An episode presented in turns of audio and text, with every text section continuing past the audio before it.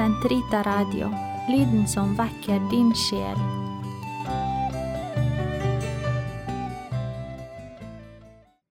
Den katolske kirkes katekisme, uke 47, lørdag 2443 til 2449.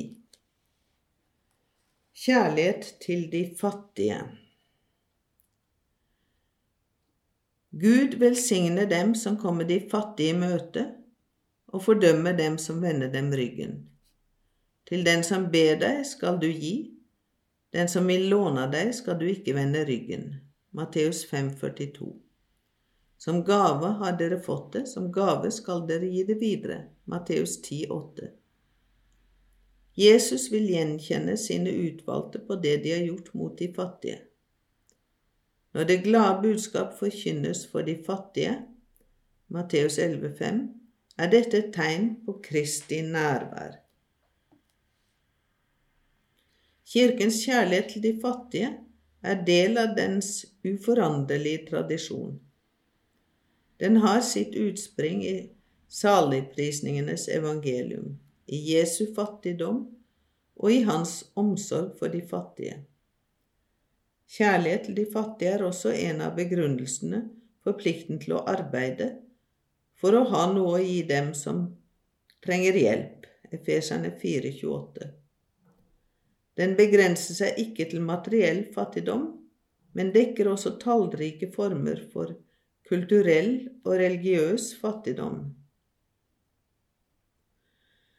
Kjærlighet til de fattige er uforenlig med umåteholden kjærlighet til rikdom og egoistisk bruk av den.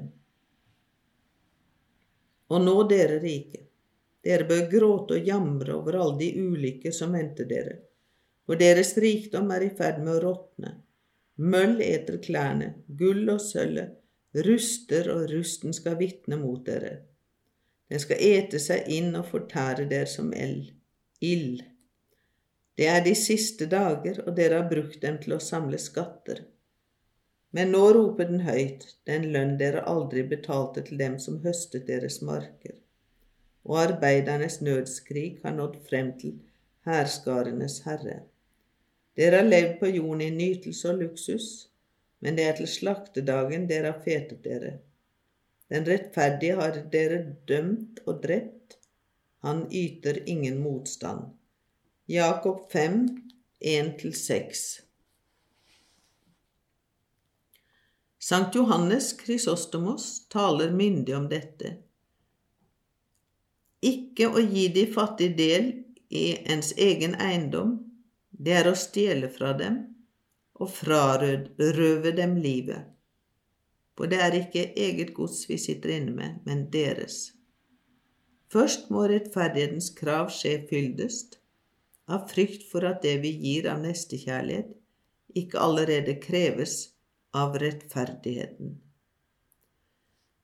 Når vi gir de fattige det aller nødvendigste, gjør vi det ikke av raushet, vi gir dem bare tilbake det som er deres. Vi gjør vår plikt mer enn vi gjør en kjærlighetsgjerning. Barmhjertighetsgjerninger er nestekjærlige handlinger hvor vi hjelper vår neste med det han trenger for legeme og sjel.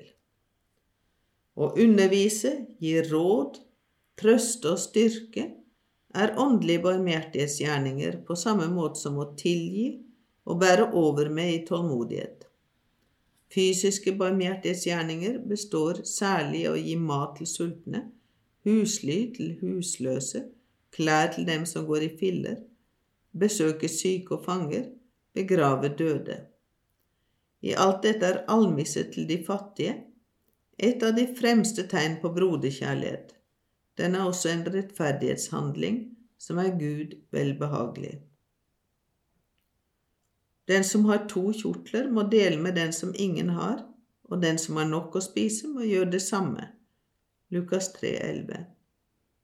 Gi heller bort hva dere eier i almisser, så blir allting rent for dere. Lukas 11, 41. Sett at en bror eller søster ikke eide klær, eller manglet mat for dagen, og en av dere sa, Farvel, ha det godt, kle dere varmt og spis dere mette men ikke ga dem det kroppen trengte, hva nytte var det i det? Jakob 2, 15-16. Den menneskelige elendighet i sine mangfoldige former, materiell nød, urettferdig undertrykkelse, fysisk og psykisk sykdom og til sist død, er tydelige tegn på den medfødte svekkelsestilstand mennesket befinner seg i etter den første synd, og på behovet for frelse. Den tiltrakk seg Kristi, Frelserens medlidenhet. Han som ville bære den og gjøre seg til ett med de minste av mine brødre. De som tynges av den, er gjenstand for en særlig kjærlighet fra Kirkens side, den som helt fra begynnelsen av, og til tross for at mange av dens lemmer har sviktet, aldri har opphørt å arbeide for å hjelpe dem, forsvare dem og sette dem fri. Den har gjort dette ved utallige velgjørenhetstiltak som alltid og overalt forblir uomgjengelig nødvendige. Allerede i Det gamle testamentet foreligger det alle slags juridiske bestemmelser. Ettergivelsesår, forbud mot å kreve rente, plikt til å gi tiende, daglig betaling av dagarbeidere, rett til å høste korn og druer som er blitt lovers, som er i samsvar med oppfordringen i Deutronomium. Fattig vil det alltid være i landet, derfor byr jeg deg, lukk opp hånden for din bror, for de nødlidende og fattige i ditt land. Deutronomium 1511. Jesus gjør dette ordet til sitt. Fattige har dere alltid blant dere. Meg derimot har dere ikke alltid. Johannes 12, 8. Med dette setter han ikke voldsomheten i de gamle profetord ut av kraft. Dere kjøper småkårsfolk for penger, en fattig stakkar for et par sko. Amos 8,6. Men han maner oss til å skjelne hans nærvær i de fattige, som er hans brødre. En dag da den hellige Rosa fra Limas mor skjente på henne fordi hun tok seg av fattige og syke hjemme, sa hun, Når vi tjener de fattige og syke, tjener vi Jesus. Vi må aldri gå lei av å hjelpe vår neste, for i dem er det Jesus vi tjener.